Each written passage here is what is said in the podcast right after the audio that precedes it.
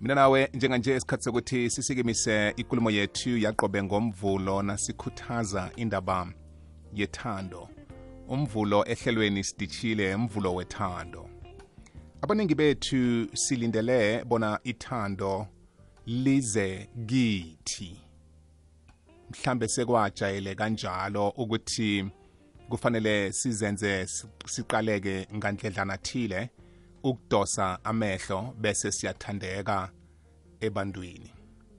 Abanye siqale khulu izenzo bona siziphathe ngalindlela ethileko ukwenzela bona sikwazi ukukara abanye abantu bese siyathandeka.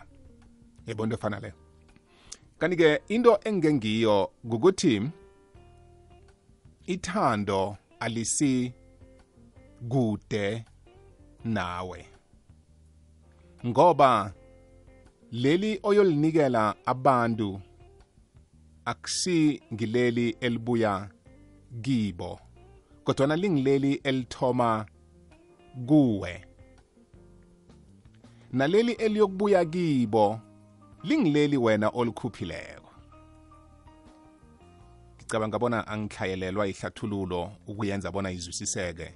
Ikulumo engilinga ukuyethula kuwe.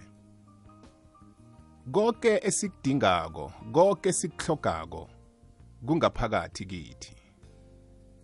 Konke nanyana yini oyihlogako ikhona ngaphakathi kuwe. Sekukuthi asikazijayeli inkulumo ezifana lezi ukuzizwa ngoba sicabanga ukuthi yonke into esiyihlogako ingaphandle kufanele sikhambe siyoyifuna angikuphe isithombe somkhiqizo nanyana nguwupho ngokucabanga kodwana ngithi kuwe ufunjathwako loyo omphetheko esikhwameni sakho namkhe esandleni ngalesi sikhathi amandla wakhe nakho konke anakho akhona ukukwenza nakhona ukukwenzela khona wena.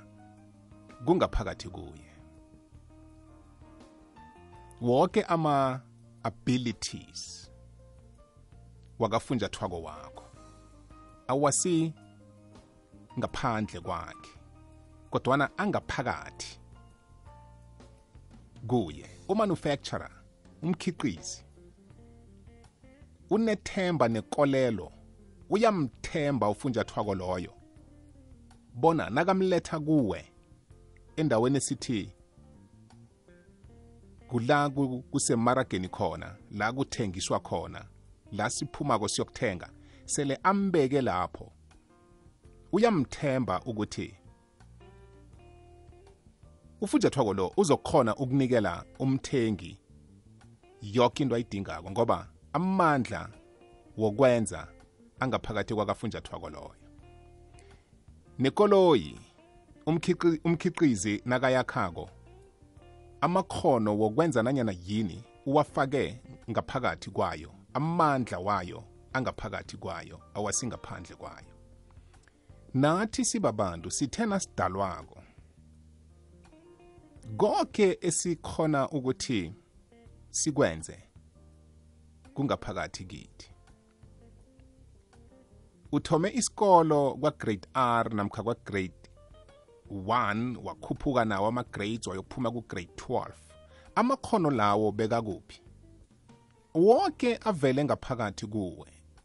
Ukuthoma ukwazi ukuhlanganisa inomboro thoma ukwazi ukuhlanganisa amagama bona wakhe ikulumo. Konke kwakheke ngaphakathi kunekolelo yokuthi uzokhona ukukwenza lokho ngoba unamakhono wokwenza njalo. Boyokuphuma uphothule imfundo zakho emazikweni aphezulu wezefundo. Am amaziko wezefundo awanavalo wokwamukela umfundi obuya ku-grade 12 ngombana sebayazi ukuthi ngaphakathi kuye kunamakhono akhona ukuthi nanyana ngiliphi ibizelo azalithatha uzoliqeda.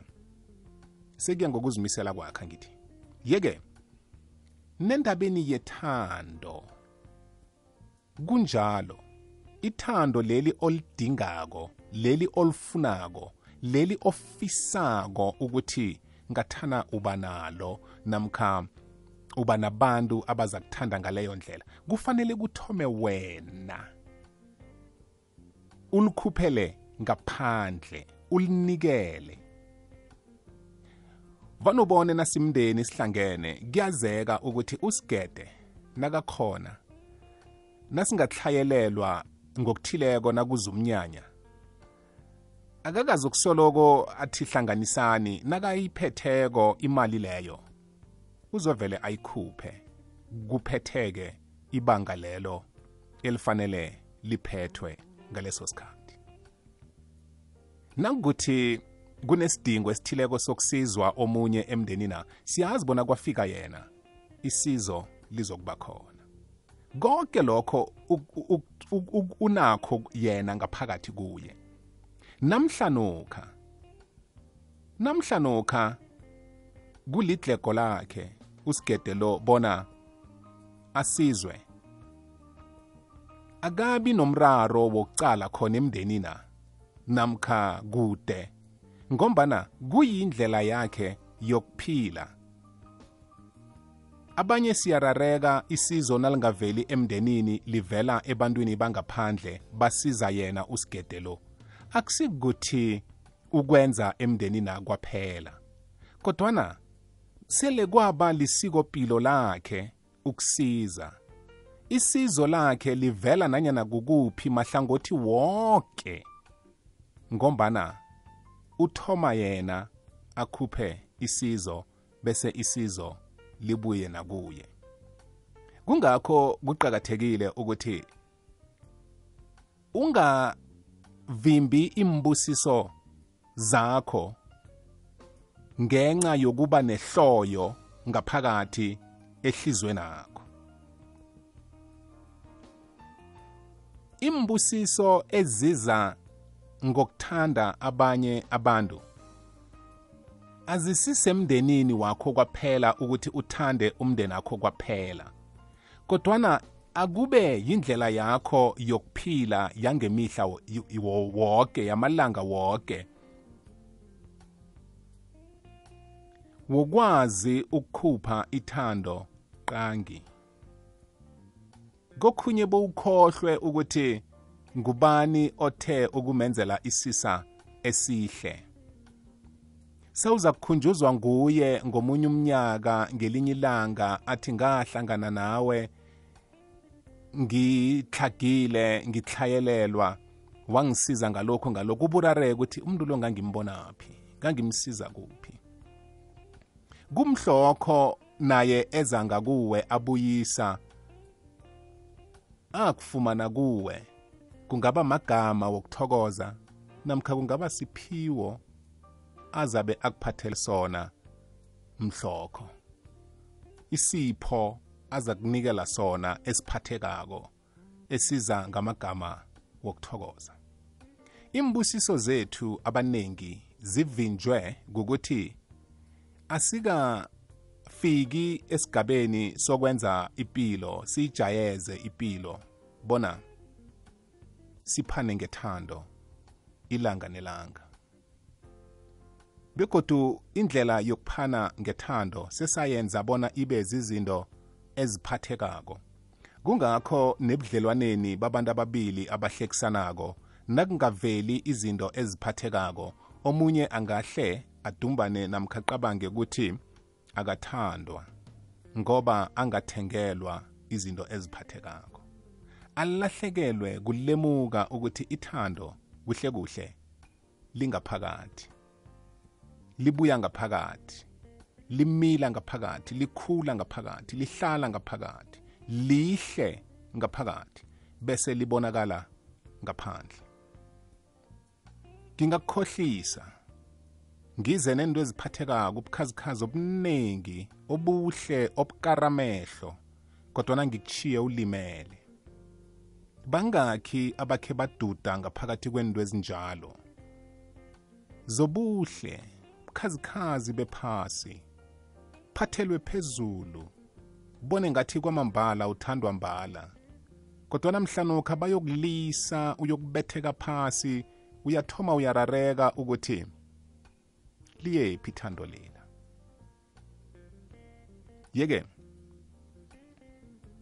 leli thando olifunako nangendlela ofuna ukuthi uthandwe ngayo kuthoma kuwe. Kuthoma kuwe mntwana ekhaya.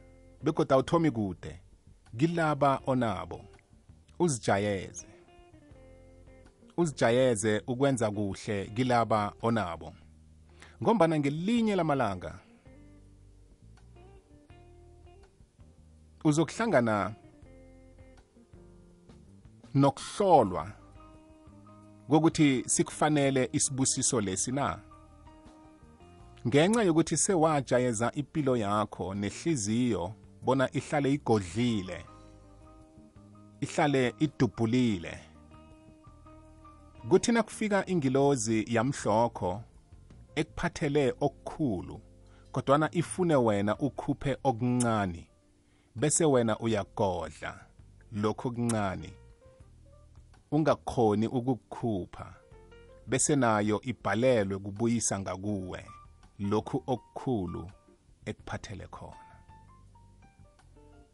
Nongakhe ulalele ubufakazi babantu abaningi abasize abanye abantu empilweni ngokuzinikela nangesihle. Okuningi okubabuyeleko ngakibo kuyathusa bekuyarara. Ubuzibuze ukuthi kwenzeka njani? Yinto engekhe sayizwisisa leyo impilo idaleke ngaleyo ndlela. Isandla esisoloko sifumbathile singavuleki sidlulise.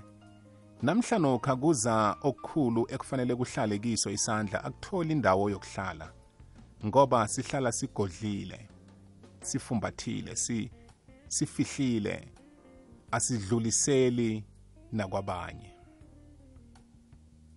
Nakuthi ufuna isibusiso sethando thoma ngokuphana ngethando. Ukhubone ukuthi angekhe kwathi kukhamba isikhathi wabona kunethando eliningi elibuya ngakuwe elivela kibo abantu obaziko nongabaziko.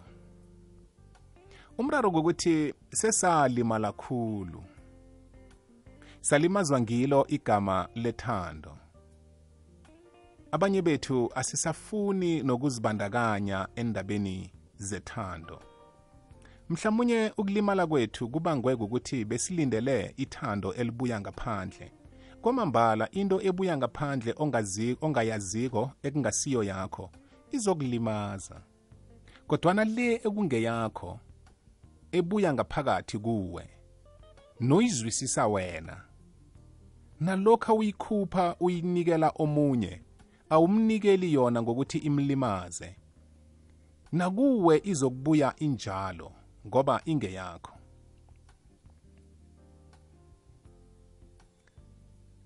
Ngibawa ukusonga ikulumo yami ngefundiso engikhe ngayizwa ikhulunywa. Kuthiwa ilihlo limkhanyo womzimba. Likhanyisa umzimba. Amehlo akho nawasebenza kuhle. Umzimba wonke wakho uyakhona ukubona bona fanele wenzeni. Kodwana wavala amehlo walinga ukweqa indlela ephithizelako enenkoloyi enenlori ngapha ngapha.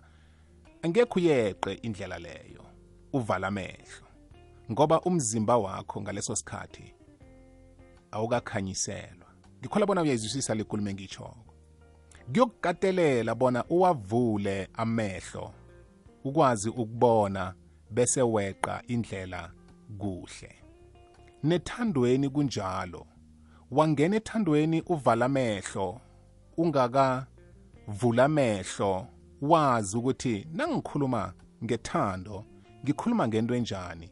Uzokuwela nezandleni ezizokulimaza ngoba ungena uvala amehlo. Ungena entweni nawe ongayaziko ungena entweni nawe ongayiphiko abanye abantu. Ungena entweni ongayiphiliko nawe.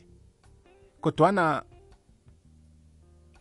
waba ngilumuntu ovula amehlo nazize endweni zethando wazwisisa ithando ekungilo wena elikwanelisako ekungilo leli ofuna ukuba ngaphakathi kwalo.